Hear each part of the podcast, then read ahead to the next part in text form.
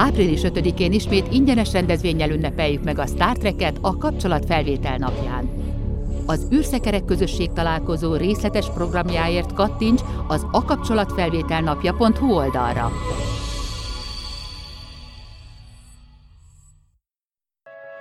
emtv.hu Élmény és vélemény A műsorszám termék megjelenítést tartalmaz.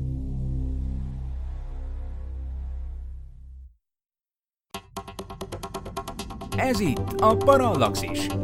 Öveket becsatolni, indulunk. Figyelem! A műsorban spoilerek bukkanhatnak fel. 12 éven aluliak számára nem ajánlott. Az MD Média bemutatja.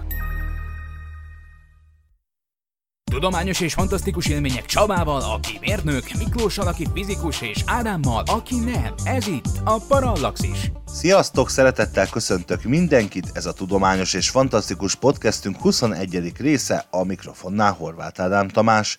Mai adásunkban a katasztrófa filmek valóság alapját fogjuk kitárgyalni állandó beszélgető társaim Csaba és Miklós társaságában. Sziasztok, uraim! De még mielőtt ráfordulnánk mai témánkra, kezdjük a műsort az utóbbi idők számunkra legfontosabb, legérdekesebb tudományos és fantasztikus híreivel.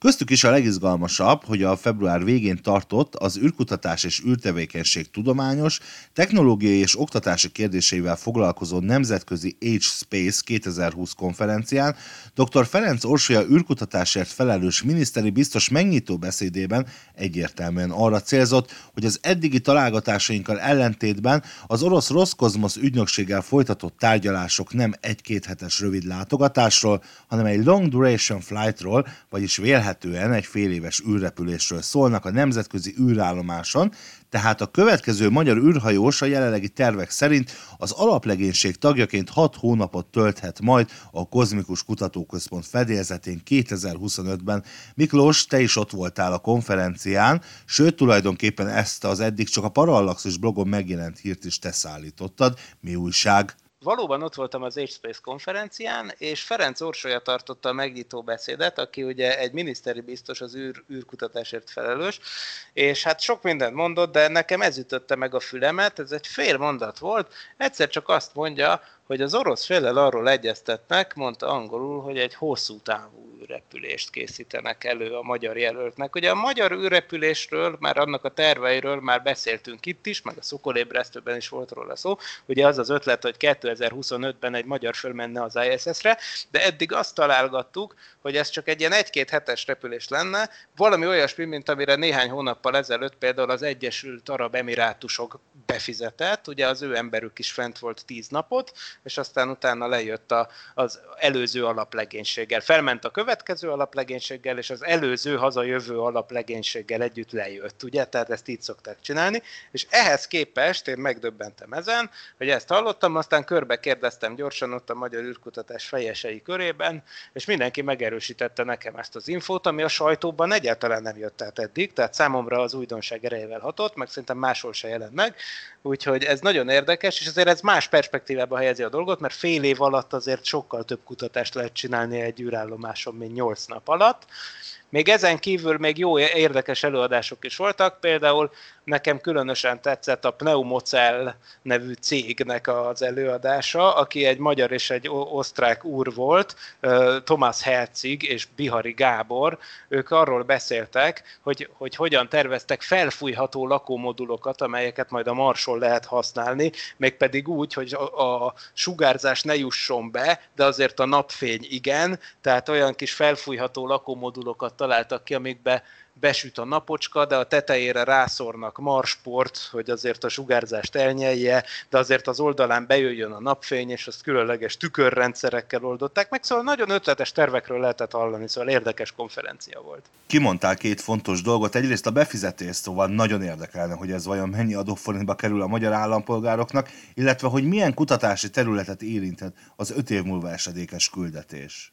Igen, ezek nagyon jó kérdések. Az első a pénz. Itt ugye hát ez megegyezés kérdése, tehát mindig, és nem lehet tudni konkrét számot, én azt mondom, itt mindenki, mindenképpen ugye ilyen több száz millió dolláros nagyságrendbe kerül egy fél éves utazás, azért az durva. De, de attól függ, tehát lehet, hogy az oroszokkal valami kedvezményes megállapodásról van szó, akár paksal, vagy a metró szerződéssel, vagy az én nem tudom mivel összhangban. Tehát ezt azért mindig nagyon-nagyon változó, hogy az államok miben egyeznek meg egymás közt az ilyen ügyekben. Ennek nincsen egy standard ilyen rátája, tehát nincs az, mint például a Space Adventures nevű cégnél, ahol bármikor befizethet bárki, mondjuk Simonyi Károlyhoz hasonlóan, hogy szeretne elmenni az ISS-re, és akkor fel is viszik egy hétre, és annak megvan a standard díjszabása, most mondok valamit, mit tudom én, 60 millió dollár, vagy ilyesmi, tehát nagyságrendileg ilyen árakról van szó. De, de hát az űrállomáson hogyan egyeznek meg egymás közt az emberek, az mindig a kormányoktól függ. Emlékezhettek a Suminski Nándorral, amikor beszélgettünk egy különleges adásunkban, egy, egy Parallaxis Light epizódban. Ő mondta, hogy például annak idején szóba került egy második magyar űrrepülés ötlete, még Magyari Béla ment volna rá föl, csak aztán szétesett a Szovjetunió. Ott például az lett volna a deal, hogy felvitték volna az űr űrhajóst, és műszerekkel fizettek volna a magyar kutatók, amiket aztán az oroszok is használtak volna. Tehát ilyenek is vannak. Most egyébként lehet, hogy ilyen is benne van, vagy részben ilyen, tehát összességében rövidre fogva azt tudom mondani, hogy nem lehet tudni, de hát azért egy 100 millió dollár körülbelül mindenképp az egész.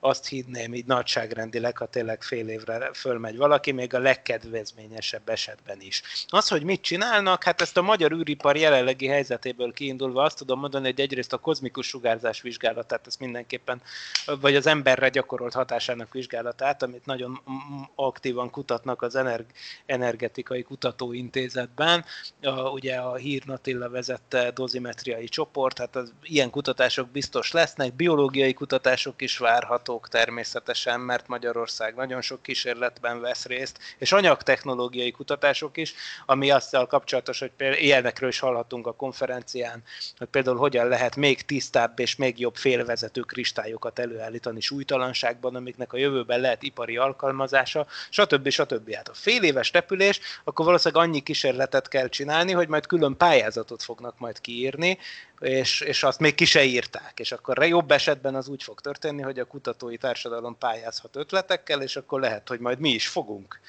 És várjuk egyébként, hogy ezt kiírják, mert a repülés öt év múlva lesz, tehát akkor már is ideje lenne elkezdeni a fejlesztő munkát. De még ilyen pályázati kiírásról én nem tudok. Természetesen figyeljük a történéseket, és mind a blogon, mind a podcastben később is beszámolunk a fejleményekről.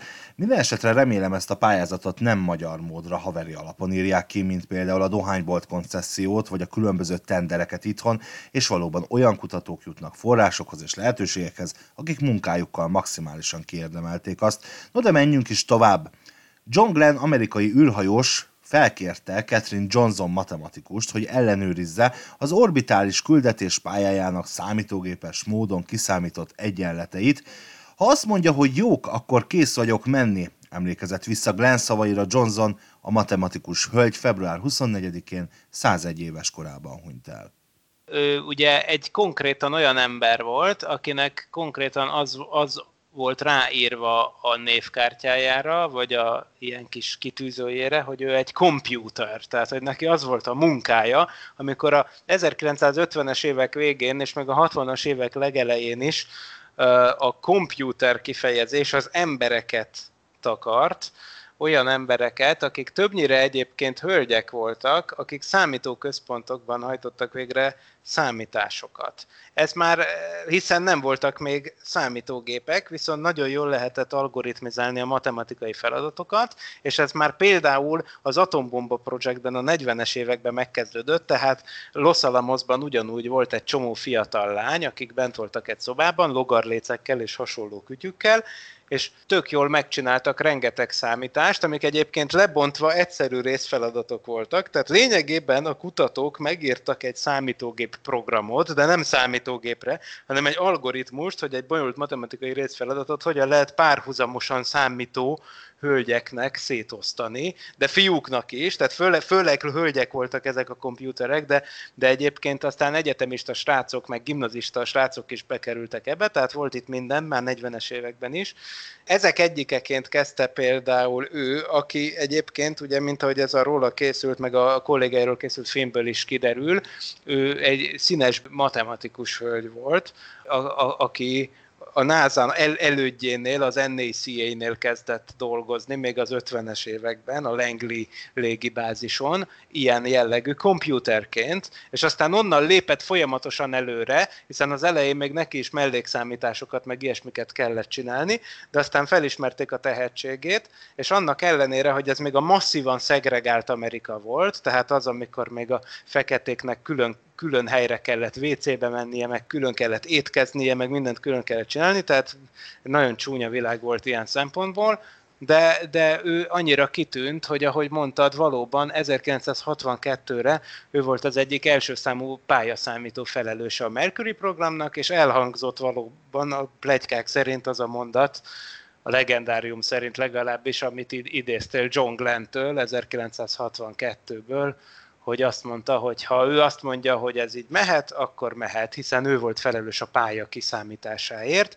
Aztán 1960-62 után nem sokkal ez a fajta dolog már megszűnt, hiszen onnantól az IBM már kifejlesztette azokat a számítógépeket, amelyek ezt a fajta analitikus számítási munkát, no pláne azt a munkát, hogy sok ember egy teremben ül és tologatja a logarléceket, és úgy csinálja a számítógépek helyett a dolgot, ez megszűnt, tehát 1960 65-ben már nem találunk olyan embert, akinek az a foglalkozása, hogy kompjúter. Innentől kezdve a kompjúter szó az már csak a gépre használatos, de Johnson ott maradt a NASA-nál, és még nagyon sokáig dolgozott matematikusként és pályaszámítóként, hiszen számítógépeket is kezelni kellett valakinek, meg programokat írni, tehát ő aztán programozó lett, és még nagyon szép hosszú aktív karriert futott be. És valóban 101 évesen halt meg, ami azért gyönyörű. Végezetül pedig jöjjön az emberi butasság, a feltűnési viszketegség, egy értelmetlen halál. 64 évesen meghalt Mad Max Hughes, a híres laposföld hívő, aki házi rakétájával akart feljutni az űrbe, hogy bebizonyítsa a föld lapos, bár mondjuk tavaly augusztusban bevallotta, hogy igazából csak repülni akart, a laposföld dolgot valószínűleg hírverésből vagy a forrásai növelésére dobta be, írja a 444. Hát igen, igen, így történt. Ugye valóban arról van szó, hogy ez a csávó épített egy rakétát, és egyébként pont a napokban, egy-két nappal a halála előtt hirdették azt az új sorozatot, ami azt biztos hallottátok ti is, attól volt különösen durva a sztori számomra, hogy, hogy pont szerződött az egyik nagy amerikai tévétársasággal, ami pontosan ilyen embereket mutat be, akik úgymond barkács rakétákat építenek otthon, és az, hogy, hogy készülődik a startra, és hogy ez ebben a filmsorozatban is le lesz dokumentálva, ezt így tökre lehetett tudni előre. Úgyhogy nagyon belenyúlt a producer ebbe a dologba, valószínűleg nem gondolhatták, hogy itt tényleg ekkora dolog lesz, hogy ott fog halni a csávó, de hát így azért elég rakétásoknak a nagy része az csak megépíti, és aztán nem lesz belőle semmi? Hát a barkács rakétások legnagyobb része olyan rakétát épít, amire nem akar felülni. Én az őrültekre gondolok. Vagy nincs ilyen merítés, csak ez az egy ilyen csávó van, aki ténylegesen ilyen szándékból épített. És egyáltalán hogy nézett ki ez a, ez a szerkezet, amivel megölte magát ez, a, ez az ember? Mert én nem olvastam ezt a hírt most. Hát úgy nézett ki, hogy ez egy nagyon vicces kis, tényleg ilyen, ilyen rakéta alakú rakéta, tehát olyan, ahogy egy óvodás kisgyerek lerajzolna egy rakétát, tehát egy ilyen teherautó platójáról elindítható narancsárga, szép négy nagy vezérsikkal ellátott valami, és volt neki egy pilotafülkéje is, és kapaszkodjatok meg, másfél kilométeres magasságot lehetett volna elérni vele a tervek szerint, tehát hogyha tényleg a föld laposságát akarta volna bizonyítani az ember, akkor például, hogyha a Burj Khalifa torony tetejére, vagy akár a kékestetőre felment volna, van nem is beszélve a Mont Blancról, ugye, akkor már messzebbre láthatott volna. Ebből is látszik, amit Ádám mondott, hogy valószínűleg nem ez volt az ő igazi motivációja. A, a faszika egyszerűen csak valószínűleg építeni akart egy rakétát, és, és valóban a lapos földhívő hype-ot, mint pénzforrást használta föl ehhez, mert hát másfél kilométer ugyan már. Na és az a legérdekesebb számomra az egészben, hogy ez működött ez a rakéta, ez egy, egy szilárd hajtóanyagú rakéta volt, tehát egy kicsit a nagyobb testvére a tűzijátékban használt rakétáknak, és nem robbant föl. A rakéta nem robbant föl, én láttam az esetről a videót, a rakéta szépen fölment, azt nem tudom, hogy elérte a másfél kilométert, meg hogy azon a ponton életbe volt-e még a csávó, azt nem tudom, de a rakéta elkezdett visszaesni, és ekkor kellett volna kinyílnia neki az ejtőernyőnek, ami nem történt meg. Tehát egészen egyszerűen jött lefele a cucc, és felrobbant, és hát igen, Darwin díjat mindenképpen kiutalhatjuk, hiszen ezt mindig poszthumusz lehet kiutalni, tehát valaki, aki egy saját építésű rakétáján fölrepült másfél kilométerre, azzal a dumával, hogy megbizonyítsa, hogy lapos a föld, és ebbe belehal, hát igen. De tényleg az a legmegdöbbentőbb, amit te is mondtál, hogy ez be volt harangozva ez a mutatvány, és senki nem vette komolyan? Vagy azt mondták, hogy hát mindenkinek joga van úgy meghalni olyan hülyén, ahogy szeretne, vagy mi volt itt hát az is lehet, hogy nem is gondolták, hogy ez föl tud repülni, mert már korábban próbált ő ezzel repülni, és akkor el se indult a rakéta. Valószínűleg azt gondolták, akár, akár a filmesek, akikkel együtt dolgozott, azt simán el tudom képzelni, hogy azt gondolták, hogy ez soha az életben nem fog felszállni se. Mint hogy Csaba, te is ugye ezt, ezt gondoltad, hogy, hogy valószínűleg itt hála Istennek van egy ilyen őrülteket védő negatív visszacsatolás beépítve a rendszerbe, hogy úgyse tudják magukat felrobbantani, mert már mert, mert hogy addig se jutnak el. De hát úgy látszik, hogy abszolút, abszolút eljutottak, és hát föl is repült a rakéta rendesen. Hát az ilyen rajzfilmekben biztos kiírták régen, az ilyen tapsi-hapsiba, hogy don't try this at home. Szerintem ez tipikusan ez a ez Biztos, ez hogy eset. ebbe a filmbe is kiírták volna, de most ezek után meg lehet, hogy be se fogják mutatni.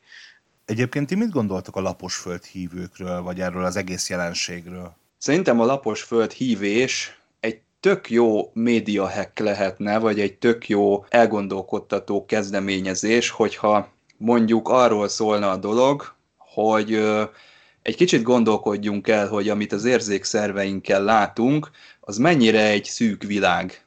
Mondjuk Miklós, te azt mondod nekem, hogy felülsz a repülőre, elmész a Fulbright miatt Amerikába, és ott közvetíted nekem, hogy mit látsz, én azt csak elhinni tudom neked, meg különböző egyéb forrásokból meg tudom nézni, hogy tényleg ott van az a város, ahova mész, de igazából közvetlenül én ezt nem látom, és gondoljatok bele, hogy mekkora információ áradat söpör végig a, a mai világunkon, amit ö, viszont nem tudunk se ellenőrizni, ö, se meggyőződni róla. Nyilván ez a föld gömbölyű vagy lapos, ez, ez egy jól, jól megfogható dolog, de hogyha annyiról szólna ez a, ez a precedens, hogy egy kicsit gondolkodjunk el rajta, hogy mit hiszünk el és mit nem hiszünk el, akkor ez egy tök jó kezdeményezés lehetne, de sajnos nem vagyok annyira idealista, hogy ez erről szól, hanem uh, itt, itt valóban őrült embereket látok. Én, én egyébként csatlakoznék a, az elképzelésedhez, mert én a napokban olvastam pont egy ilyen véleményt egy, egy, egy, egy kutató kollégától, és nagyon elgondolkoztam rajta, hogy a laposföld hívők azok hordoznak valami nagyon értékes dolgot, amit a tudományban is tudnának hasznosítani, a kételkedést. Tehát a minden összeesküvés elmélet iránt fogékony ember, és minden ilyen laposföld és hasonló marhaságokban hívő ember valójában a kételkedés magjait hordozza magában, és hogyha megfelelő iránymutatást kaptak volna időben, akkor lehet, hogy ők nagyon hasznos kutatók tudnának lenni, csak nem kapták meg a megadott időben és megfelelő helyen a megfelelő tudományos inspirációt vagy képzést. Tehát valahol ezek elveszett tudósok. Mert igenis, a kutatók is minden nap azt csinálják, ez az a dolgunk, mi azért kapjuk a fizetésünket, hogy megkérdőjelezzünk mindent. De természetesen ugye nem konkrétan azt, hogy a föld lapos, de, de az sem azért, mert megtanította nekünk XY ugye nyilván tekintélyelve, hanem végig lehet gondolni, és akkor el tudjuk magyarázni, hogy miért van ez így. De maga az alapállás, hogy nem fogadjuk el késznek a tényeket, az iszonyatosan hasznos, és nagy felfedezéseket eredményezhetett volna. Tehát ilyen szempontból nagy, nagy veszteségek ezek az emberek, nem csak azok, akik konkrétan meghaltak, mint most a Mad Mike, hanem azok is, akik életben vannak, de, de sajnos beleragadtak valamelyik egyik-másik ilyenbe. Értük valószínűleg már nagy részükén már késő, tehát őket már valószínűleg nem lehet úgymond visszatéríteni a tudományos gondolkodás útjára, pedig egy nagyon hasznos. Tehát, tehát valamilyen szempontból teljesen ideális emberek lennének erre. Ilyen szempontból szomorú vagyok, amikor ilyeneket látok, mert erre kell gondolnom ilyenkor. Ne, nem veszik készpénznek a dolgokat, ez egy, ez egy nagyon jó skill. Milyen lenne, hogyha egy ilyen lapos korongon élnénk? több módon lehetne megvitatni ezt a kérdést, de hogyha a Föld az tényleg lapos lenne, akkor például minden ilyen űrkutatási dolog, amiről itten beszélgetni szoktunk, az persze egyáltalán nem is jöhetne szóba. Például gondoljunk csak arra, hogy például bármilyen messzire el lehetne látni. Ez például tök jó lenne. Fölmész a Kékestetőre, vagy akár a Gellért hegyre, és semmi akadálya nem volna annak, természetesen mondjuk a köd, köttől, vagy mit tudom én mitől függetlenül, hogy ellássál New Yorkig, vagy ameddig akarsz. Hát ugye pont ezt akarta például ah, Mad Mike letesztelni, ugye? Tök ez jó. tök jó. Meg az is van, hogy van ez a fránya dolog egyébként, ami egyébként a mi életünket annyira nem befolyásolja, de gondoljunk bele, hogy ha lapos lenne a Föld, akkor a gravitációs gyorsulás értéke az bármilyen magasságban ugyanannyi lenne. Tehát a G, ugye tudjuk, hogy a G csökken, ahogy megyünk fölfele, de hogyha egy lapos korongon laknánk, vagy egy lapos, végtelen lapos felületen, akkor ilyen nem történne meg soha. Hát arról persze nem is beszélve, hogy mi mit látnánk az égen, tehát nyilván nem lehetne például műholdakat indítani, hiszen a műholdakat azért lehet indítani, mert a Föld gömbölyű, és ezért egy idő után a műhold nem esik rá a Földre, hanem körbeesi a Földet, de hogyha a Föld az lapos lenne, akkor bármilyen gyorsan indítasz el valamit, az előbb-utóbb le fog esni. Ugye? Valahol. Ezek után talán valóban érdemes lenne egy adást szentelni ezekre a hoaxokra, mint a Laposföld vagy a Balaton tagadók, na de majd meglátjuk. Most viszont már nem menjetek sehová, hogy azt a kereskedelmi tévék műsorában szokták volt mondani, mert egy rövid felhívás után a katasztrófa filmek valóság alapjával azonnal folytatódik a Parallax, és maradjatok velünk.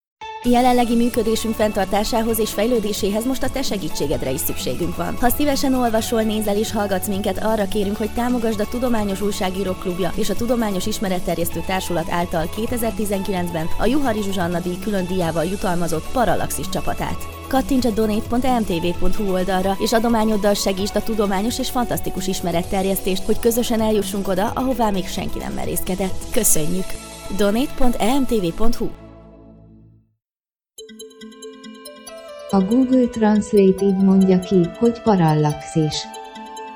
Hát nekem nem tudom, hogy vagytok vele, de amikor katasztrófa filmet említ valaki, akkor egyből a kártyavárként összedőlő felhőkarcolók és repkedő taxik jutnak eszembe, és szerintem ez egy korszellem kérdése, tehát valamikor a 80-as, 90-es években úgy képzelték el az apokalipszist, hogy nagyon hangos lesz, recsegve, ropogva megnyílik a föld, és tulajdonképpen egy nagy durranás kíséretében az egész emberiség hát vagy meghal, vagy megtizedelődik, vagy nagyon súlyosan megfogy, úgyhogy én szerintem ez a fajta szemlélet, mint hogyha egy kicsit háttérbe szorult volna, persze ma is vannak katasztrófa filmek, de én úgy gondolnám, hogy ezeket már annyira se veszik komolyan, mint annak idején azokat a, a fajta produkciókat, amikről itt most ö, ö, felsorolást állítottam fel.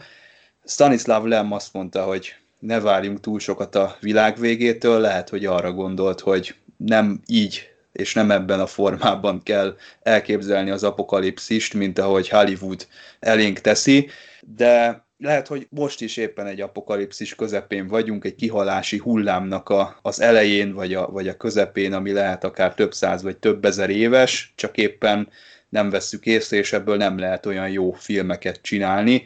Ti hogy képzelnétek el, szerintetek az apokalipszis az egy olyan dolog, amiből nem lehet filmet csinálni, vagy abban a formában nem állná meg a helyét, ahogy valóban megtörténik, vagy hülyeség az egész, egy napon majd tényleg felrobban minden, és nagyon látványosan ér véget az emberiség. Nagyon jó volt szerintem, amire rájöttél, azért ezen röhögök magamban, csak szerencsére lenémítottam a mikrofon, de most mondom, hogy az van, amit mondasz. A 80-as, 90-es években még komolyan lehetett venni a katasztrófa filmeket, de azóta azóta is gyártanak ilyeneket. Ki ne hallott volna például a Sharknado-ról, ugye, ami egy olyan tornádó, amiből cápák hullanak le, csak most már gyártják, gyártanak ilyen filmeket, de most már ezek már csak a Z kategóriában állják meg a helyüket, és szerintem nincs is jobb dolog, és majd egyszer szentelhetünk ennek is egy adást, mert szerintem marha jó, nincs is jobb dolog, mint megfelelő társaságban leülni és rettenetes Z kategóriás filmeket nézni és röhögni rajta. Én azt hiszem, hogy, hogy egyszerűen az emberiség, az, hát ezt nem tudom, az emberiséggel mi van, mert erről már egyszer beszéltünk egyébként az év elején, de a katasztrófák, a katasztrófákból filmet csinálni, szerintem ezt egyszerűen megunták. Tehát, hogy Apple már nem lehet bevinni embereket a moziba, nagy tételbe, több száz millió dolláros nyereség reményében, nem, nem, nem, nem. Valahogy azt hiszem, hogy most ez egy időre lekerült a napirendről. Én amúgy soha nem voltam nagy katasztrófa film rajongó, mondom, kivéve a Z kategóriás filmeket, amin egy sörrel, meg megfelelő baráti társaságban tökéletesen jókat lehet röhögni hangosan, hát ezt, ezt tökéletesen megértem, de hogy ilyen komolykodó katasztrófa filmeket végignézni, hát szerintem, hát nem tudom. Szóval igen, ez, ez elmúlt ez a dolog, szerintem nem, nem baj, ha nem jön vissza, de azért igen, mindannyian láttunk pár ilyet, úgyhogy jó ötlet, hogy beszélgetünk róla. Az emberiség azért valószínűleg nem érdeklődés hiányában fog félbe maradni, azért minimum lehet, hogy ne a lemnek legyen az igaza, hanem, hanem tényleg azért megérdemeljük, hogy valami nagy epic izé, befejezése legyen a bulinak, nem? De mindegy, hát majd meglátjuk. Igazából mindketten kimondtátok a gondolataimat. Manapság a híradóban, az interneten annyi ilyennel találkozik az ember, hogy kicsit vagy talán jócskán megemelkedett az inker küszöb, és hiába jönnek az aszteroidák, és hiába elképzelhető egy kisbolygó becsapódása a Földbe, Valójában kézzelfoghatóbb katasztrófák és katasztrofális állapotok uralkodnak bolygónk egyes részén is, nem kell ezért Hollywoodba menni. Úgyhogy amennyire én látom, a klasszikus katasztrófafilmeket felváltották az űrvihar jellegű, a science fiction vonalat erősítő fantasztikus filmek, melyekben a science és a fiction inkább utóbbi irányába tolódik el. Ez így van. De ez így volt azokban az időszakokban is, amikor még komolyan vették őket, amikor még teljesen komoly arccal, teljesen rengeteg pénzért csináltak ilyen filmeket. Nagyon jó, nagyon jó észrevétel, igen. Hát most már bekapcsoljuk a tévét, és látjuk ezt, akkor meg minek a moziba menni. Itt az adás előtt nem titok szerintem, hogy megpróbáltunk fel eleveníteni pár emléket régi katasztrófa filmekről, és vagy nem emlékszünk semmire, vagy nem is láttuk a közelmúltnak a termését. Ez ö, egyébként most tőletek kérdezem, hogy ti kerülitek a katasztrófa film műfajt, vagy, vagy ö, régebben volt olyan, hogy na, most fú, most megnéznék egy jó katasztrófa filmet. Létezett ilyen időszak nektek az életetekben, mert nekem valahogy nem. Az a vicc, hogy amikről beszéltünk és beszélni fogunk az adásban, egy csomót láttam belőlük, de ezek tényleg ezek nem, fe, nem a feledhetetlenségre vannak programozva ezek a filmek. Tehát mind a hárman szerintem voltunk úgy, hogy átolvastuk, hogy miről szól, mit tudom én, a 2012 című film, ugye, amit 2009-ben, tehát már több mint tíz éve mutattak be azért, tehát múlik az idő, és hát, na hát tényleg ez, ez így volt. Pedig azt láttuk mindannyian. Egy hitvány kategória, tehát mindenképpen így kell ennek lennie, nem lehet egy tök jó apokalipszist fölvázolni az emberek számára, hogy na ez valósághű is, nézhető is, szórakoztató is, Hát nézd, valamiben vagy jellemfejlődés van, vagy Godzilla. Tehát hát, azért igen. a kettő együtt azért nem tudom. Szóval, szóval érted, az Antonioni filmjeire, meg a, izé, hát ezekre azért úgy emlékszem akkor is, hogyha már 20 éve láttam, de hát valahogy, valahogy ez a holnap után, meg a mag, meg a 2012, ez talán az nem, nem, nem. Valahogy szerintem kimondtad azt, hogy ez a kategória, ez ennyit tud, ez a célja, betölti a célját, egy héttel később később elfelejted, újra nézheted a filmet, tök jó. Mi a párommal egyébként rendszeresen szoktunk nézni katasztrófa filmeket, B-kategóriásokat is, csak ne legyen zsékatos, mint az említett. Egyébként inkább dark comedy, azaz sötét komédia kategóriába eső Sharknado, a cápa vihar, bár annak is megvan a maga varázsa, és sok kis stúdió van például, az egyébként csak két millió dollárból készült Sharknado-t is jegyző független filmstúdió, a The Asylum, ami kifejezetten ebben a kategóriában gyárt hasonló minőségű filmeket, amiknek egyébként hihetetlenül óriási rajongó tábora van világszerte, óriás polip a krokodil ellen, krokopolip és hasonló filmcímekkel. Egyébként említetted, Miki, a 2012-t is, ami a valaha volt legostobább, legrosszabb uh, nagyköltségvetésű katasztrófafilm volt az elmúlt 20-30 évben, ebben biztos vagyok, de említhetném a szintén szóba került űrvihart, lánykori nevén Geostormot, amit például tudom, hogy láttam, de ennek ellenére sem tudtam felele- feleleveníteni gyakorlatilag a filmből semmit, és ezzel rá is csatlakoznék arra, amit az imént említettél, Miki, hogy ezen a filmek többsége szerencsére annyira felejthető, hogy egy kis idő elteltével újranézésnél ismét remek spoilermentes szórakozást tud nyújtani. Ó, igen, valljuk be, hogy az ember betol néhány sajtbureszt néha. Tehát nem, ne, ez nem a gurmé kategória, ez, ez, ez, ennek megvan a maga helye és szerepe. És ez így van jól. Viszont szerintem tegyünk kísérletet, hogy valamiféle kategóriákba csoportosítsuk bele ezeket a produkciókat. Szerintem talán a legaktuálisabb és mindenkinek a legkézenfekvőbb módon a vírusfilmek juthatnak eszébe. Hát ez talán még nem az a hangos, recsegő, ropogós épületeknek az összedőlését prezentáló kategória, de most nagyon előttünk van ugye a koronavírus terjedés miatt, és ezek a vírus filmek talán annyira nem rosszak, nem? Azt még nem olyan lesajnálva ülnénk le megnézni egy ilyen, például a Vírus című filmet, mint egy, mint egy másfajta katasztrófa filmet, és ilyenkor azért nagyjából ezek le tudják fedni a valóságot, tehát most is látjuk, hogy hogy alakul ki egy karantén, meg hogy, fog, hogy fogynak el mondjuk üzletekből élelmiszerek, attól függetlenül, hogy most mennyire komoly a helyzet, vagy nem, azért látjuk működésben, a, hát ha nem a vírusnak a közvetlen hatását, de a közvetettet mondjuk a gazdaságra és az embereknek a, a lelki világára.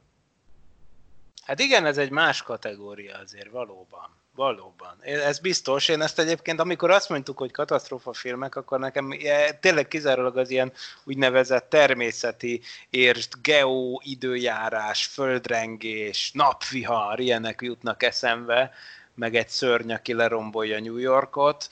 Valahogy a vírus az más, és a vírus című film is szerintem teljesen más, és az egyáltalán nem a feledhető kategória, mert annak ellenére, hogy ez talán egy, és javítsatok ki, ez valami 94-es, 95-ös ilyesmi film lehetett, mert emlékszem, még általános iskolás voltam, még a plakátja is megvolt.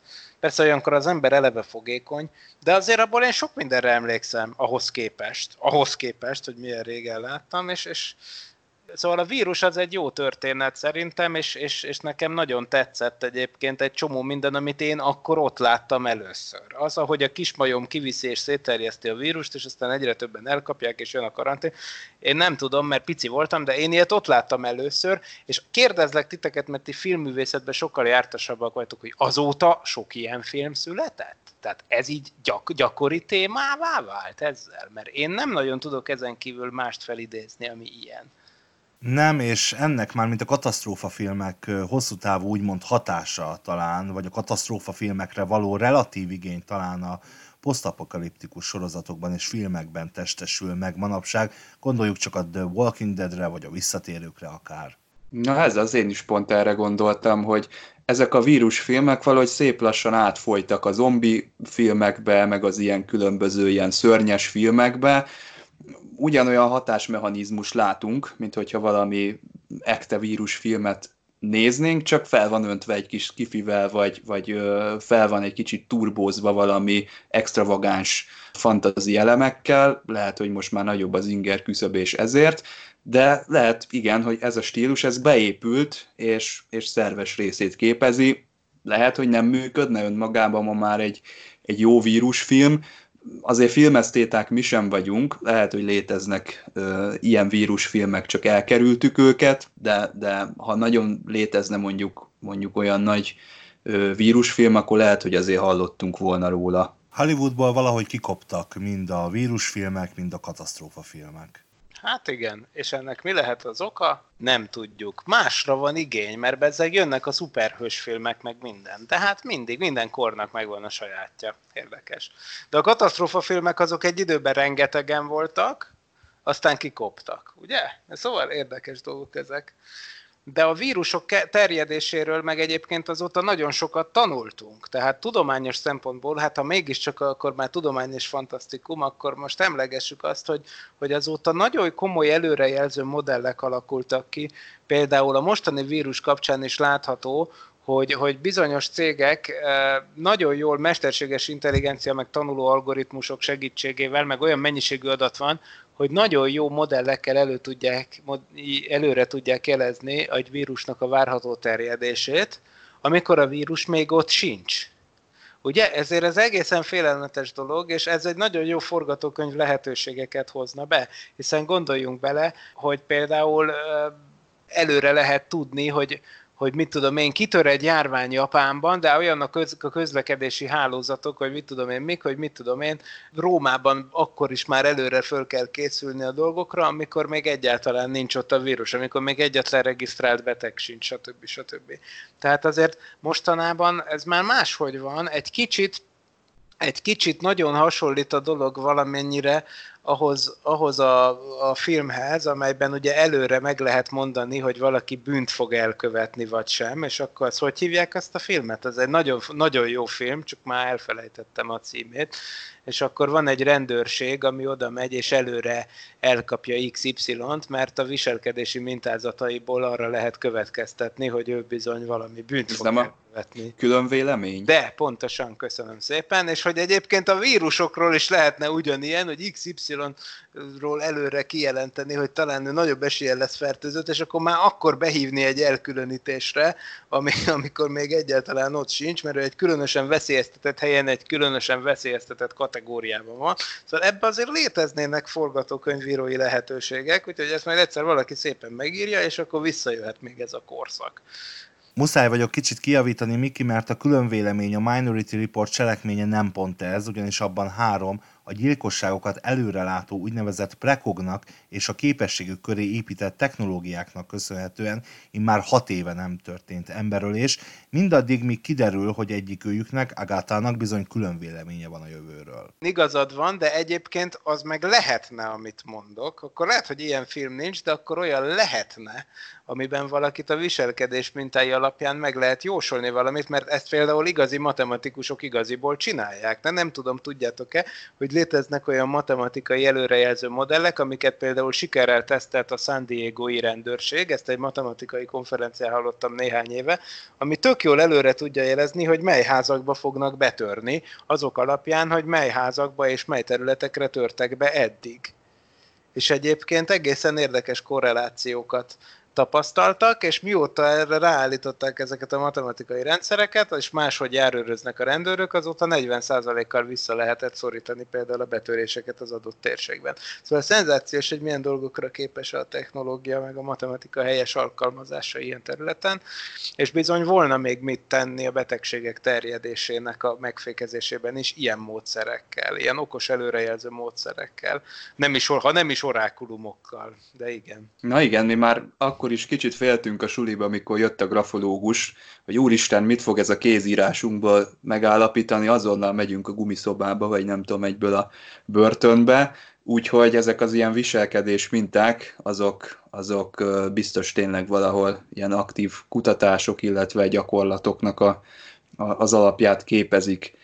Na hát egy kicsit, ha tovább megyünk, akkor ilyen légköri zavarokkal folytathatnánk. Ugye én próbálok úgy haladni, hogy a kevésbé fájdalmas filmektől eljutunk az egészen borzasztókig, mert hogy nekem a Twister jut eszembe így első körben, és az sem volt egy annyira csapnivaló film. Abszolút nem, és engem a tornádók akkor kezdtek el érdekelni, és ti voltatok ugye a laborban nálunk, és a, a hallgatók is megnézhetik a Parallaxis labornak a videóit a tudományosfantasztikum.hu oldalunkon, és ott látható például a tornádók kísérlet, na ezt a tornádók kísérletet, ezt részben a Twister című film inspirálta, ahol nagyon tisztességesen megcsinálták a tornádót, és ugye abban tornádó kutatók szerepelnek abban a filmben, ezek létező emberek, ezek olyan, mert nem konkrétan ezek az emberek, hanem ilyen, ilyen emberek, akik abban szerepelnek, akik terepjárókkal követik a tornádókat, és fényképezik, meg műszereket dobnak bele, ami elég kockázatos, mert ilyenek tényleg léteznek, és ez nagyon, nagyon érdekes, nagyon érdekes dolog, és persze nekünk meg az volt a motivációnk, hogy, hogy szegény tornádó kutatóknak az életét könnyítsük meg azzal, hogy piciben is megpróbáljuk lemodellezni a jelenséget, és kiderült, hogy a mi pici laborbeli bödönünkben egy csomó olyan tulajdonságát le lehet a nagy tornádónak modellezni, ami, ami tényleg eddig csak a helyszíni mérésekkel lehetett megfigyelni, de azért mi nem tesszük naponta kockára az életünket, amikor bejövünk vizsgálni ezt a modellecskét, ők meg igen. De a tornádók azok nagyon jó lokális, lokális pusztulásokat előidéző filmtémák ilyen értelemben, hogy szerencsére ez nem az apokalipszis rovatban versenyzik, mert egy tornádó hatása az mindig lokális, de hát persze lehet katasztrofális, de hogyha láttatok már tornádók által letarolt városokat, akár abban a filmben, akár hát sajnos híradókban, akkor ugye azt lehet látni, hogy akár egy háztömb vagy egy ház sor le van tarolva, és mondjuk a három méterre odébb álló másik házsor az teljesen érintetlen. Tehát a tornádó az nem egy, egy globális skálájú jelenség, hanem mondjuk egy 10 10 méter átmérőjű valami, mondjuk, és abban zúz, de ott nagyon intenzíven, ugye ott a földdel egyenlővé teszi azt, amin átmegy, és egyébként ide, ide tartozó érdekes információ, hogy a Kárpát-medence, ahol mi élünk, az a föld egyik legforgószelesebb vidéke, csak szerencsére nálunk nem ezek a gigantikus nagy tornádók alakulnak ki, mint amiket ott Amerika dél-keleti részén néha lehet tapasztalni, mármint az Egyesült Államok dél délkeleti részén, hanem ilyen pici kis porördögök vannak az Alföldön. Néha Magyarországon is van szupercella, tehát lehet látni, hogy keletkezik valami tornádószerűség, de az nagyon ritkán van, hogy leér a földre, és ezért aztán szerencsére eddig még nem volt vele dolgunk, de lehetséges, hogy a klímaváltozás majd etéren is változásokat fog hozni, majd mondjuk egy évszázad múlva, ezt ugye még nem tudjuk. Szóval tornádokra érdemes azért felkészülni, meg vizsgálni őket, mert amikor a filmet csinálták, még azt sem nagyon lehetett tudni, hogy a tornádok hogyan keletkeznek. Most már azért erről sokat tanultunk, részben tényleg az olyan kutatók munkája által, amik, akiket ez a film is bemutat.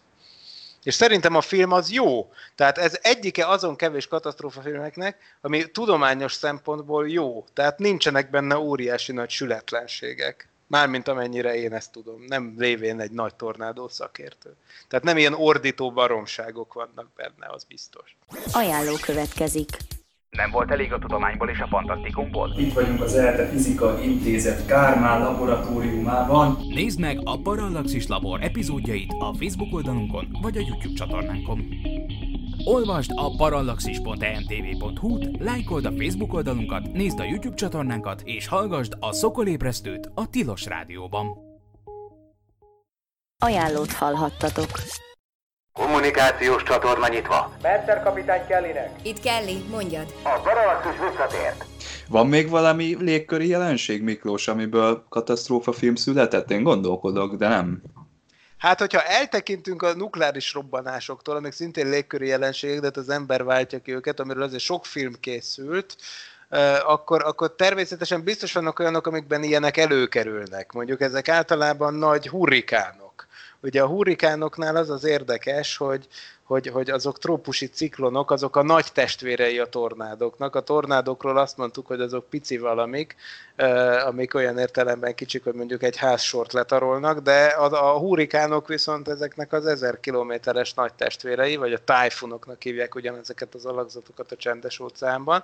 Hát most már az a baj, hogy bár rengeteg filmben előfordul természetesen ilyen, de hát ezek is lekerültek a napirendről, hiszen ott volt a Katrina által végzett brutális pusztítás, meg hát ugye egy-két évente van némi hurrikán veszély, úgyhogy valószínűleg ezért aztán a film, film, filmesek nem csinálják, mert az, amit Ádám is mondott, hát aki hurrikánnak a brutális hatását akarja nézni, az kapcsolja be a tévét. Nagyon gyakran előkerülő téma viszont, és a filmekben is egyébként valamelyest azért előjönnek ezek, hogy a klímaváltozás az hogyan fogja befolyásolni a trópusi ciklonok gyakoriságát. Vagyis az ilyen extrém brutális ciklonok, anticiklonok gyakoriságát, amik ilyen nagy pusztítást végeznek. Az az érdekes, hogy egyelőre nem látható ilyen korreláció. Ezt, ezt a közelmúltban vizsgáltuk néhány kollégával itt, hogy vajon kimutatható-e az, hogy mi, mi, miközben tudjuk, hogy mondjuk az 50-es évek óta folyamatosan és szignifikánsan növekszik a föld átlaghőmérséklete, kimutatható-e az, hogy az ilyen hurikán erejű nagy trópusi ciklonok gyakorisága megnő. Ugye ezt nagyon sokszor olvasunk ki erről, de hogy ez tényleg így van? Úgy tűnik, hogy nincs ilyen egyértelmű összefüggés, egyáltalán nincs. Sok mindennek megnő a gyakorisága, meg sok minden változik, például az, hogy több ciklon van, mint anticiklon, de hát ez az aszimetria, ami valamiért van a természetben, ez is változik, de speciál az, hogy gyakrabban lennének hurrikánok, mint akár 100 vagy 150 éve, mondjuk a Karib térségben, ez az állítás egyáltalán nem állja meg a helyét. Hanem egyszerűen ebben a konkrét esetben legalábbis arról van szó, hogy a média mindenhol ott van, és nagyobb a dolgok láthatósága. Ezért van az az érzésünk, hogy úristen, mennyi extrém esemény történik. Valami tényleg változik, de speciál a hurrikánok úgy tűnik, hogy amennyire ezt mi láttuk az statisztikai adatokból, kb. kb. Vannak rosszabb évek, meg jobb évek, jobb évtizedek, rosszabb évtizedek, de nem mutatható ki szignifikánsan az, hogy ez így együtt járna a klímaváltozással. Érdekes. Na nézzük, akkor milyen fenyegetések jöhetnek alulról, mondjuk így talajtani, földtani szempontból, hogyha megvizsgáljuk. Nekem a Szent András, illetve a Mag jut eszembe, egyik filmet se láttam, és el nem tudom képzelni, hogy mi történik ott benne. Jön egy nagy repedés, és az ketté választja a világot, vagy hogy zajlik az ilyen Hát a magban egy morbid utazásnak lehetünk szemtanúi Verne nyomán, vagy inkább újra gondolva, és ezzel eléggé meggyalázva az utazás a föld középpontjába történetét. Szórakoztató, de olcsó hollywoodi történet ez. Igen, az olcsót természetesen nem szó szerint érted, hanem úgy, hogy az ötlet olcsó, igaz? Mert egyébként bizonyára elköltöttek rá e, körülbelül, ha most látom, 73 és fél millió amerikai dollárt a Mag című filmre, az alapötlet az nem hülyeség, any, te, nem száz százalékig teljesen hülyeség. Ugye az az alapötlet, hogy a Földnek a mágneses pólusai azok vándorolnak.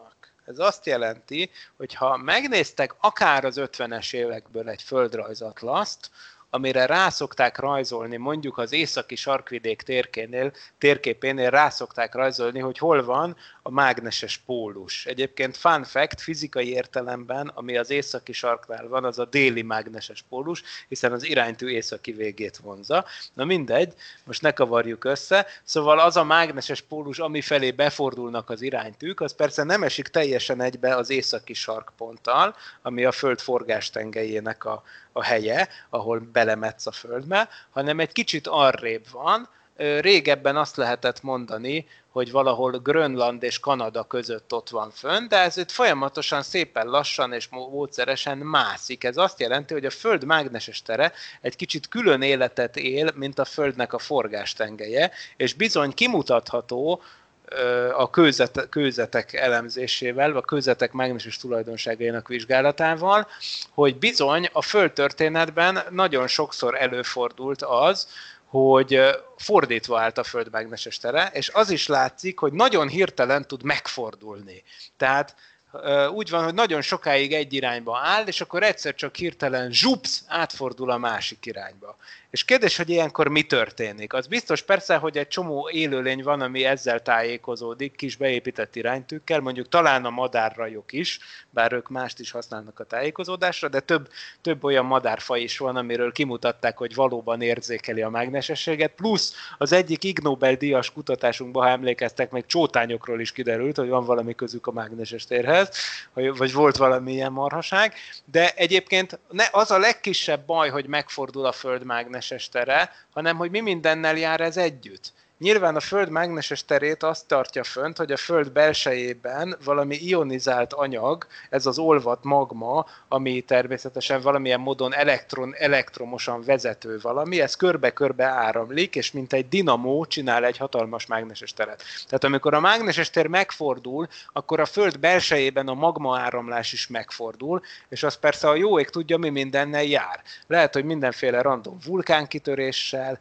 vagy lehet az is, hogy miközben megfordul megfordul, van egy olyan időszak, amíg a Földnek átmenetileg eltűnik a mágneses tere, mondjuk ez óriási para lenne, mert akkor akadálytalanul ideérhetnének a napból a töltött részecskék, amik hát egy gyilkos kozmikus sugárzást jelentenek az élet számottevő részére nézve, E, szóval mindenféle problémát fölvetne, és maga az alapkoncepció, hogy a Föld mágneses tere az néha megfordul, néhány tízezer évenként mondjuk, vagy néhány millió évenként megfordul, most nem tudom a konkrét számot, ez létezik, és az is létezik, hogy nagyon sokan modellezték ezt a 80-as években kaotikus modellekkel, ami azt jelenti, hogy bizony az is előfordult, hogy ez nem egy szabályos változás. Tehát nem lehet azt mondani, hogy mondjuk, mit tudom én, mondok hasraütésszerűen valamit, hogy 150 ezer évenként megfordul a Föld mágneses tere, vagy egy millió évenként, mert nincs ilyen, hanem hogy egy kicsit úgy mozog, mint egy ilyen kaotikus búgócsiga-szerűség, ami felveti azt a kérdést, hogy ez akár bármikor megtörténhet, és milyen gyorsan történhet meg.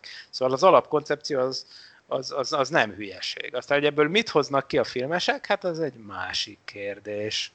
Ne felejtsük el, hogy a klasszikus hollywoodi katasztrófa filmek kívánják a happy endet, tehát a jó ötletekhez, mint ami alapjául szolgál a maghoz is, a boldog vagy relatíve boldog véghez sok esetben borzalmas és tudománytalan megoldás kell, hogy szülessen, ezért ezekben az esetekben a probléma megoldása csinál a science fictionből fiction-t. Így van. Mert itt például, és kellenek hozzá emberek, az is nagyon fontos. Tehát mindig kell egy Bruce Willis, aki felrobbantja az aszteroidát, holott a valóságban például azt is egy géppel csinálnánk nyilván, és itt is a magban olyan elképesztő marhaság történik, hogy valamilyen fúróval egybeépített tenger alatt járó szerű brutális eszköz bemegy a föld magmájába, és lemennek a maghoz, hogy ott felrobbantsanak valami atomtölteteket, hogy ezzel fordítsák meg a föld belsejében a magma áramlást, és állítsák vissza a régi világot, meg a mágneses teret.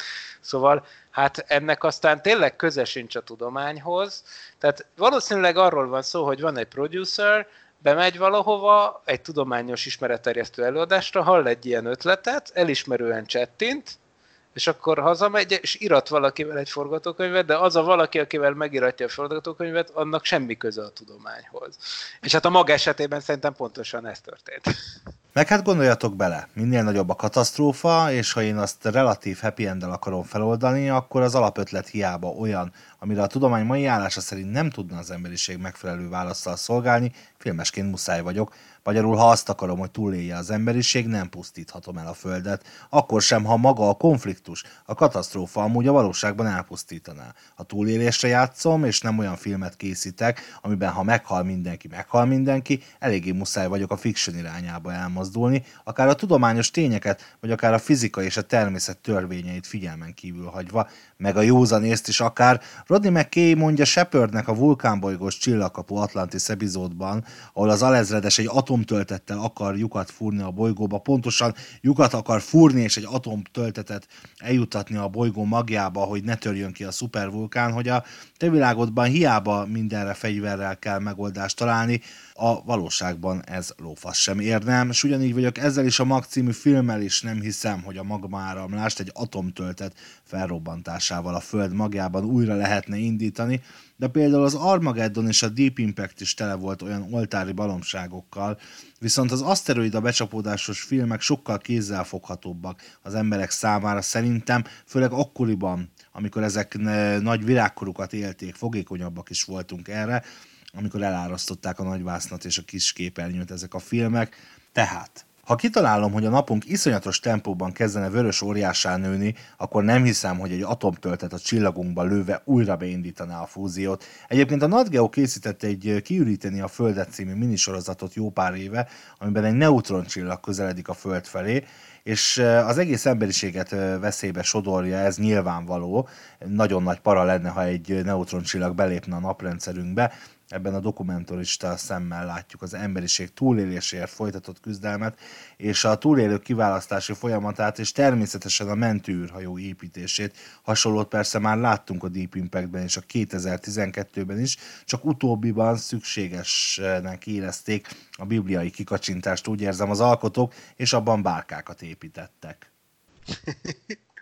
De jó, hogy mondod a 2012-t. A valaha volt legrosszabb hollywoodi katasztrófa filmet?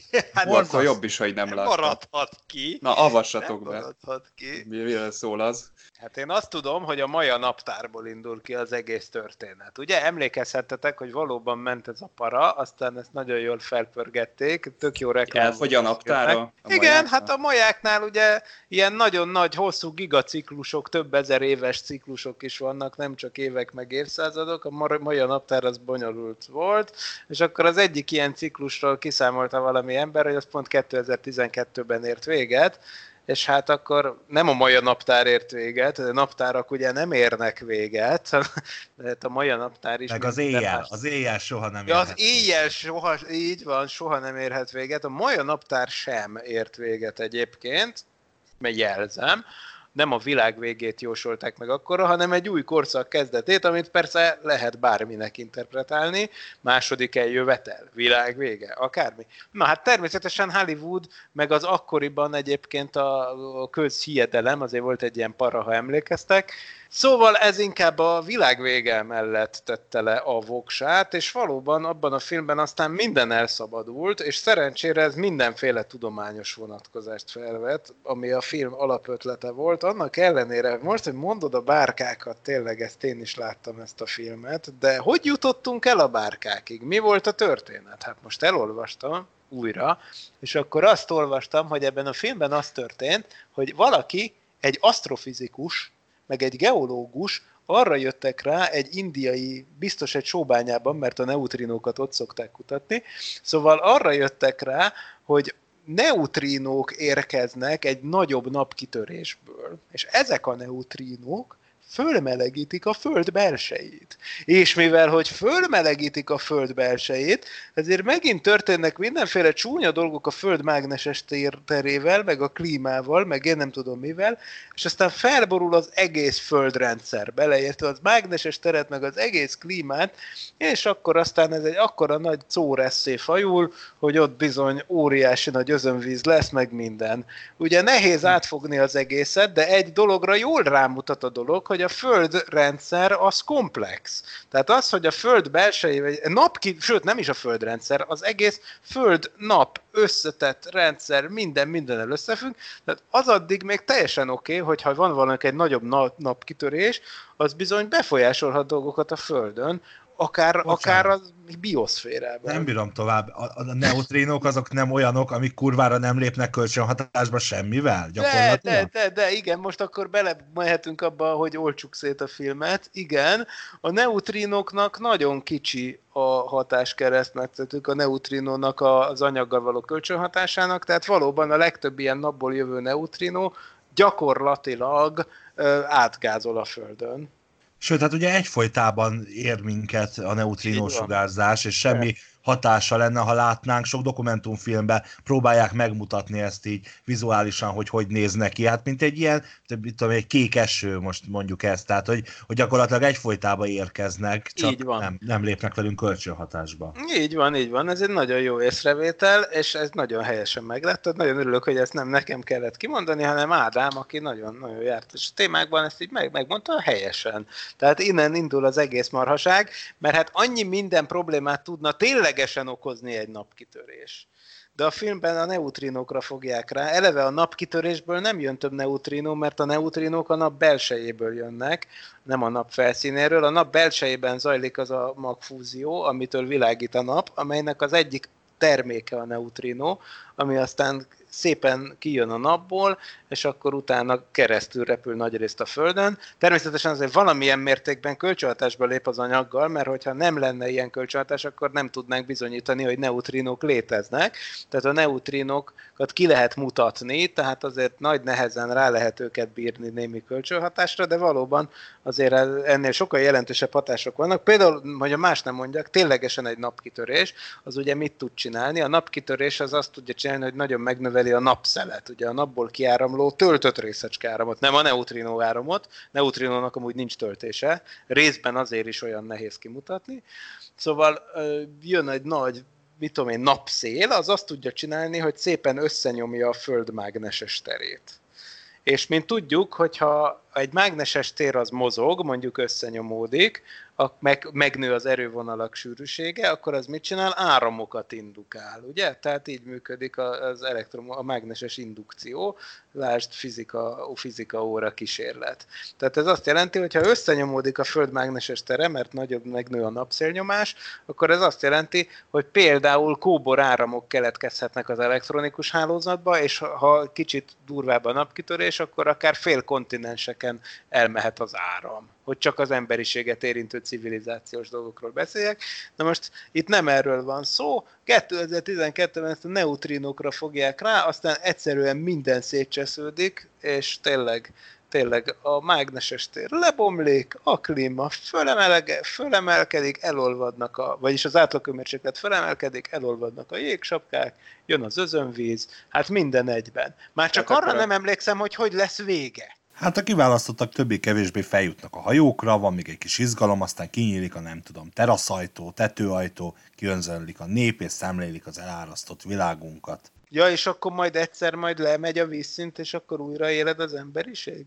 Hát ezt nem tudni, nyilván ez történne mondjuk a második részben, ha lenne, de igazából addigra vége van a filmnek. Ja, vége van, oké, okay. jó, nem tudjuk, nagyon jó. De biztos van szivárvány a végén, ugye? Bármi belefogadom. Nem emlékszem rá, de ezer százalék, vagy naplemente, aranyóra, szóval biztosan van valami. Okay. Tehát akkor ezek a neutrinók a készítők szerint olyanok, mint egy ilyen ártatlannak tűnő hátvéd a focipályán, aki valójában szétrúgja mindenkinek a sípcsontját, úgyhogy nem látjuk benne a veszélyt, de, de, de erről van szó. Egy dolgot még áruljatok el gyorsan a 2012-ről, mert nekem nagyon misztifikált ez a film, abból kifolyólag, hogy nem tudok róla semmit. A trélerét láttam egyszer, és én azt hittem, hogy ez nem egy komoly film, mert egy oda nem illő zene közben dölt össze a világ, és szerintem ez egy ilyen a rombolásnak az esztétikáját mutatta be, és én azt hittem, hogy ez egy vígjáték lesz akkor, amikor láttam ezt a, ezt a tréler, de ez, ez egy, tehát ott komoly arccal mondják az emberek, teljesen hogy éppen... komoly. Ez Aha. teljesen. Aki a rombolás esztétikájára kíváncsi, annak inkább a Tarantino művészetét ajánljuk. Itt, itt itt basszus, nem, itt ebben semmi cinizmus nincs az égvilágon. Ezt full komoly arccal végig tolják. Talán ez az utolsó nagy katasztrófa film, nem? Tehát, hogy ez Igen, tényleg mondja Ádám, hogy minden idők legrosszabbja, akkor valószínűleg ezt tette fel a koronát a műfajra, vagy... Egyébként nagyon szomorú vagyok, hogy ezt a filmet Roland Emmerich rendezte, akiknek ugye olyan filmeket köszönhetünk, mint a Godzilla, a Függetlenség napja, vagy e, például a Csillagkapu eredeti film 1994-ből. Ajánló következik. Túl a századikon, de messze még a küldetés vége. A meghajtás impulzus, a cél, a legvégső határ. Az űrszekerek közösségi flotta hetente megjelenő hiánypótló és Magyarországon egyedülálló podcastjében a Körkféle eredeti, a Discovery és a Picard sorozatok, illetve a mozifilmek kiveszélése mellett különleges adások és meghívott vendégek gondoskodnak a Star Trek hangulatáról. Merülj el Gene Roddenberry világában az Impulzus podcasttel. impulzus.űrszekerekflotta.hu Ajánlót hallhattatok. Égriadó. Nem látja egyes? Azt hiszem meghibásodott a portálvető. Ez itt csak nem a parallaxis? Na szerintem engedjük is akkor el ezt a 2012-t, és az egyik legalapvetőbb toposzt hagytam itt utoljára, a szörny filmek, aztán lehet, hogy még lesznek itt járulékos dolgok, de ez minthogyha talán Japánból eredne, de aztán majd kiavítanak esetleg a kommentelők, hogy jön egy Godzilla, vagy jön valami hatalmas nagy valami, ezt egyébként a Beastie Boys Intergalactic című videoklipjében is már kiparodizálták, meg azóta van ilyen Pacific Rim, meg minden, és azt gondolom, hogy ez, az, ez a legtermékenyebb műfaj a, a katasztrófa filmeken belül, és itt nem mondanám azt, hogy nem próbálkoztak a készítők, mert ha arra gondolunk, hogy volt egy Cloverfield például, ami egészen egyedi módon próbálta bemutatni ezt az egészet, vagy annak idején a függetlenség napja. Ebben, szerintem ebben látják a legnagyobb fantáziát a készítők, vagy a világok harca. Igen, de azok jók, nem? Mármint én a függetlenség napján nagyon jókat szoktam röhögni, de az egy kicsit más kategória, de azt szerintem az, az, az úgy az egy valid. Mennyire katasztrófa filmek ezek a filmek? Tehát, hogy például a, most a, a Cloverfield az jó példa, mert ott, ott valóban az, az, az közelebb áll a klasszikus katasztrófa filmekhez, mint mondjuk a, nem is tudom most hirtelen mit említ, csak mondjuk egy Godzilla. Tehát ott is van egy katasztrófa, de, de nálam az inkább nem is a science fiction, de, de nálam az, az azért van közös meccéspont, de az egy másik halmaz része is. A, a, a, Szerintem, amikor hatalmas épületek között verekednek valami nagy cuccok, én nekem az összemosódik az agyamban, hogy az, az katasztrófa film, ez csak én vagyok egyébként, de nem tudom szétválasztani valahogy a dolgot. Jó, de, de, de lehet akkor, hogy az régebbi, mert hogyha mondtad a japán eredetet, ez igaz, de hogyha már mint szerintem úgy, hogy például a Godzilla az előbb volt lerajzolva, mint megfilmesítve, de hát ott minden ilyen szörnyes rombolós film ősanyja azért az mégiscsak az 1933-as King Kong, ugye? Tehát a, a nagy eredeti fekete-fehér King Kong, amikor jön egy óriási gorilla, és szépen lezúzza New Yorkot, és hát az bizony tényleg 1933-ban lett bemutatva. Persze tudom, hogy aztán 2005 körül kapott valami remake is, de, de igen, a, ez szerintem előbb született az első ilyen szörnyes film, mint az első ilyen katasztrófa film, ami a természeti katasztrófákat bemutató filmekre gondolok, mert nyilván King Kong is egy természeti katasztrófa, hiszen egy állat, de igen, szóval, hogy valamiért Neked... ez egy kicsit más, de én szívesen beszélek erről is, ja. De egyébként ki is mondtad a lényeget, mert hogy, mert hogy pont ez, ezért vannak, és ezért szeret, szeretjük, és szereti Hollywood is ezeket a filmeket, mert ezek látványos filmek. Az ember a moziba látványt szeretne, és, és hatást, tehát ugye gyakorlatilag ez egyik probléma is, hogy üzenet és, és tartalom nélküli CGI filmeket és szuperhős filmeket nézzünk, és most nem akarom egy, egyik rajongót sem megsérteni ezzel, mert vannak köztük jók is, meg vannak olyanok, akik, amikben tényleg jó a sztori, de többségükben azért elmondhatjuk, hogy, hogy az akciójelenetek, a látvány és a CGI az, ami, ami miért megnézzük. Ez régen is ugyanígy volt, és mindegy, hogy 1933-ban nem CGI-nak hívták, és mondjuk stop motion animációt használtak-e, vagy bármi hasonló, az emberek szeretik az ilyet. Óriás hangyák, óriás majmok, óriás szörnyek, Godzilla, az, az, az, az egyfolytában működik, és azért ezen belül egy kicsit más kategória, bár a Függetlenség napja valóban inkább egy katasztrófa film, de hát azért ezek a jönnek az idegenek és letarolják a földet, azért az, az megint egy kicsit, kicsit más fajta katasztrófa film, mint szerintem a, az ember rágondol a, erre a fogalomra. Így van, de egyébként az van, hogy hogy a klasszikus katasztrófa filmek azért ugye össze tudnak ezzel fonódni, simán elképzelhető az is, vagy ha nem, akkor nagyon javaslom ezt is a forgatókönyvíró hallgatóinknak, hogy mi lenne akkor, hogyha jönne egy, például egy olyan földön kívüli civilizáció, aki egy klímaváltozás vagy, föl, vagy természeti katasztrófák előidézésével próbálna megcsinálni valami hatalomátvételt például. Tehát nem azzal, hogy konkrétan, mint a függetlenség napjában odaállnak a nagy repülőcsészaljak a városok fölé, és aztán tyum-tyum, hanem, hanem konkrétan azzal, hogy ők például befolyásolják a földmágneses teret, vagy mit tudom én mit, és egyébként az Ádám által említett űrvihar című film az hasonló, csak azt a, ott az a történet, hogy nem az IT, nem a földön kívüliek csinálják ezt a dolgot, hanem mi magunk emberek, hiszen abban egy olyan műholdrendszer szerepel, ami tudja a klímarendszert befolyásolni, távirányítással, hiszen akkor a klímaválság van, hogy ihaj, de az emberiség kitalálja, hogy hogyan lehet egy műhold rendszerrel az időjárást úgymond távirányítani, és akkor valaki meghekkeli ezt a műhold rendszert, és akkor olyasmik történnek, hogy hip-hop, itt egy falu, falunyi ember halálra fagyott Afganisztánban a nyár közepén, meg mit tudom én, micsoda. Igen, most itt az alapötlet tök jó, ott is a nevetséges a megvalósítás, de, de az ötlet az zseniális, mert hogy, hogy science fiction szempontból ez egy tök jó perspektíva, úgyhogy szerintem össze lehetne kötni ezt, úgyhogy lehetne egy ilyen film, mert E.T. megváltoztatja a klímát. Szerintem ez tetszene nekem. Én megnézném. Sajnos ez az epizódunk lassan a végéhez közeledik, és tudom, hogy sok mindenről nem beszéltünk, többek közt a tűzhányos filmekről, mint a Dante Pokla vagy a tűzhányó, de nem lehet minden tökéletes. Ugye viszont arra gondoltam, hogy állítsuk össze a saját katasztrófa filmünket. Srácok, Kezdjem? Kezdem. Jó, Előbb szerint... mondtál Miklós, mert Jó, okay. fogalmam nincs. Hát, ha ihletet kapok. De én már az előbb elkezdtem ezen gondolkozni, tehát, hogy jön egy földön kívüli civilizáció. Ugye felveszik vele a kapcsolatot a SETI kutatók, ahogy ezt láttuk a kontaktban, amit a legutóbbi adásunkban szépen kibeszéltünk, aztán utána szépen barátságosan földkörüli pályára állnak, vagy nem, nem, messziről, messziről leküldik egy eszköznek a terveit, mint a kontaktban. Megépíti az emberiség gyanútlanul, de mi derül ki? Ezek klímamódosító eszközök. Olyan eszközök, amelyek olyan módon módosítják a Föld mágneses terét, hogy lényegében semlegesítik, vagy kikapcsolják, vagy valami nagy gebaszt csinálnak.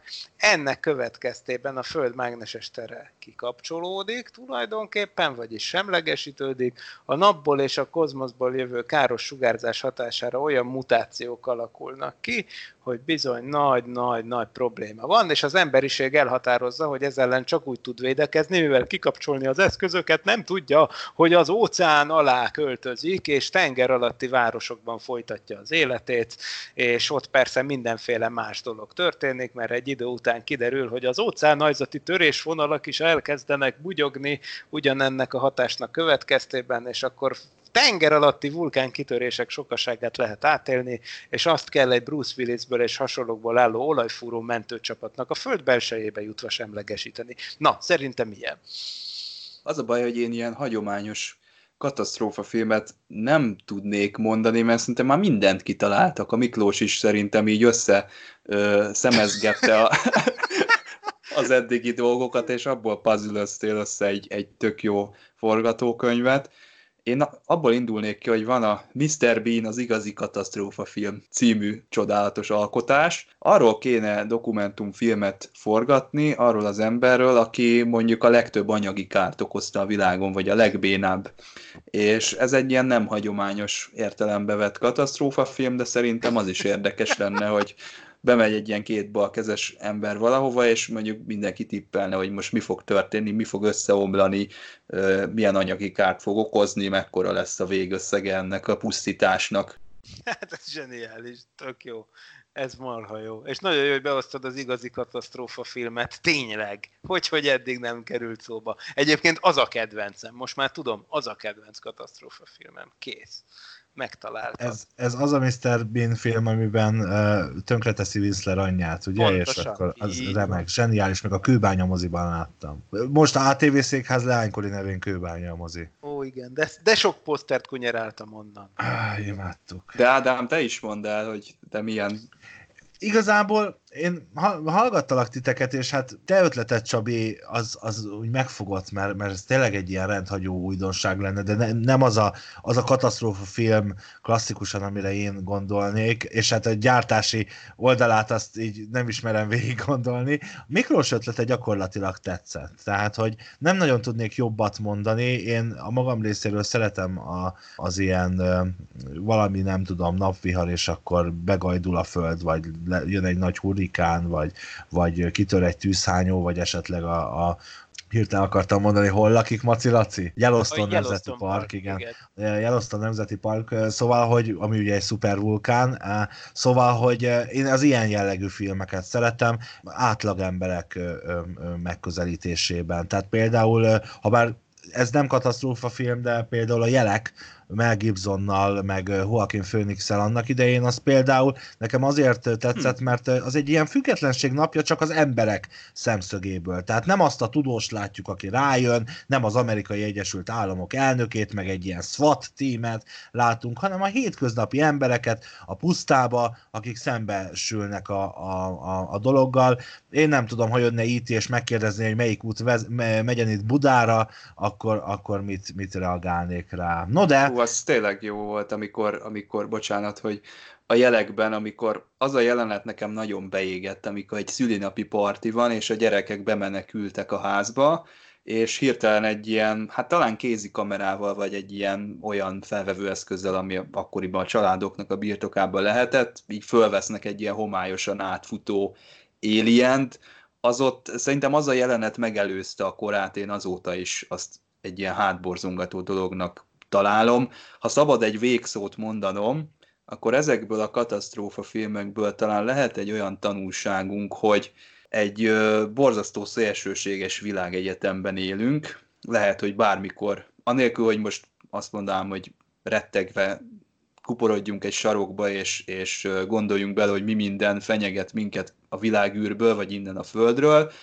de azért érdemes belegondolni, hogy lehet, hogy egyszer csak történik majd egy olyan dolog, amit, amire nem számítunk. Tehát most évezredekig így éltünk, de lehet, hogy egyik pillanatról a másikra majd úgy fogunk, ahogy eddig nem, és, és ez mondjuk hosszú ideig tarthat. Szerintem ez egy jó üzenete, vagy hát egy üzenete az ilyen típusú katasztrófa filmeknek. Így van, minden véget ér egyszer. Bizony, bizony, ahogy ez a műsor is sajnos, de még mielőtt elbúcsúznánk, jöjjön egy kis keresztpromó. Mi a helyzet az Impulzusban Csaba, mert hogy a kapcsolatfelvétel napja bemelegítő podcastja is visszatér két adással, az egyik már meg is jelent, Markovics Botond, azaz Brandon Hackett volt a vendéged. Ahogy mondod, és egy nagyon tartalmas beszélgetés történt ebben a countdownban transhumanizmusról, illetve hát a Star Trek-et sem tudtuk elkerülni, mert az Impulzus Star Trek tematikus műsor, úgyhogy természetesen a Star Trek jelenét, meg a múltját is megfelelően átbeszéltük, meg hogyha arra is kíváncsiak vagytok, hogy magyar írók miért választanak angol száz nevet, akkor erre is ö, úgy rákérdeztem Botonnál. Igen, és ott lesz a kapcsolatfelvétel napján is, ahol a transhumanizmus és a Star Trek kapcsolata lesz terítéken, a kapcsolat felvétel napja pedig április 5-én lesz, fergeteges Star Trek ünnep, minden pénteken a kapcsolat felvétel napja.hu oldalon találtok új információkat és olyan tartalmakat, amivel együtt készülünk a közösség találkozóra. Gyertek el! És ha már szóba jött a kapcsolatfelvétel napja, illetve az, hogy a kapcsolatfelvétel napja.hu oldalon minden pénteken különleges a Star Trek ünnepre varmappoló tartalmakkal készülünk, mindenképpen érdemes megemlíteni, hogy március 6-án egy fantasztikus produkciót mutatunk be. Arra gondolsz, hogy Holnándor és Kassai Károly újra felelevinítették a Voyager-ös szerepüket egy rövid videó erejeig? Természetesen. Hát ez történt, kedves hallgatók, tehát hogyha szeretnétek újra hallani Tuvokot és Nilixet, és ráadásul a kettejüknek a parázs párbeszédeit, amit egyébként Magdi tollából származóan sikerült nekünk ott felvennünk, akkor, akkor mindenképpen ajánljuk természetesen ezt a videót. És természetesen ne felejtsük ki testvér műsorunkat a két hetente hétfő reggelenként a Tilos Rádióban hallható szokolébresztő adását minden a legnagyobb rendben van. Most éppen egy olyan adást készítünk elő, amelyben űrkutatás történeti témákat boncolgatunk tovább. Várhatóan Werner Norbi barátommal, aki egyébként meghívott előadó lesz az emlegetett kapcsolatfelvétel napján is. Asztrofizikai és űrkutatás történeti témákat beszélünk meg. Például szótejtünk majd a Föld új holdjáról, amit nemrég detektáltak, szóval érdekes tartalmakkal készülünk. És különleges tartalmakkal készülünk mi is itt a Parallaxisban, ugyanis március 22-én vasárnap este 9 órakor debütál a NatGeo műsorán a Kozmosz című tudományos és fantasztikus sorozat új évada Lehetséges világok címmel, és ehhez kapcsolódóan mi itt a Parallaxis podcastben is ezzel a témával, ezzel a sorozattal foglalkozunk majd a március 19-én megjelenő különleges webcast kiadásunkban a National Geographic-kal együttműködésben. Ráadásul mindemellett március 14-én egy játékot is indítunk a parallaxis.emtv.hu oldalunkon, amiben nagyon menő nadgeós ajándékcsomagért lehet majd játszani. Szóval tudomány és fantasztikum rajongók figyelem, érdemes lesz ránk kattintani, és érdemes lesz nézni a Kozmosz lehetséges világok című sorozatot is, amit a NatGeo jóvoltából mi már megnézhettünk, és meg kell mondjam, még az előző évadokat is meghaladó fantasztikus minőséget és fantasztikus témákat kapunk a dokusorozat alkotóitól. Nagyon tetszett az eredeti Carl Sagan széria is, míg a második évad is szuper volt, de ez a harmadik szerintem megkoronázza az előző kettőt, egyszerűen lenyűgöző, mit gondoltok róla. Imádom. Hát én nem láttam azelőtt még a Kozmosz sorozatot, vagy nem emlékszem rá. Nagyon jó, egyszerűen beszippantott, úgyhogy alig várom, hogy beszéljünk róla. Kicsit szemét dolog volt, hogy egybe odatta a National Geographic az egészet, mert így most eh, erre mennek el az éjszakáim, de tényleg nem lehet abba hagyni. Várunk titeket március 19-én debütáló adásunkban is, amiben tehát a Kozmos című sorozattal foglalkozunk, meg úgy Unblock Carl Saganról is ejtünk néhány szót, sőt jó néhány szót, mert érdemes róla beszélni. Úgyhogy tartsatok velünk akkor is, és figyeljétek az oldalainkat, mert előtte még játszunk, fantasztikus National Geographicos kozmoszos ajándékokért. Szóval találkozunk március 19-én Carl Saganról és a Kozmosz harmadik évadáról szóló exkluzív műsorunkban, itt a Parallaxisban. Addig is kellemes podcast hallgatást kívánok mindenkinek, meg rádióhallgatást hallgassátok a Szokolébresztőt is, és ne felejtjétek, ezek a formátumok annyira tökéletesek, hogy kép sem kell hozzá. Sziasztok! Sziasztok! Sziasztok! Nem volt elég a tudományból és a fantasztikumból? Olvasd a parallaxis.emtv.hu-t, lájkold a Facebook oldalunkat, nézd a YouTube csatornánkat, és hallgassd a Szokolébresztőt a Tilos Rádióban. A Tudományos Újságíró Klubja és a Tudományos Ismeretterjesztő Társulat által a Juhari Zsuzsanna díj külön díjával jutalmazott blog podcastjét az emtv.hu megbízásából az MD Media készítette. Hamarosan jön a következő rész. A műsorszám termék megjelenítést tartalmazott.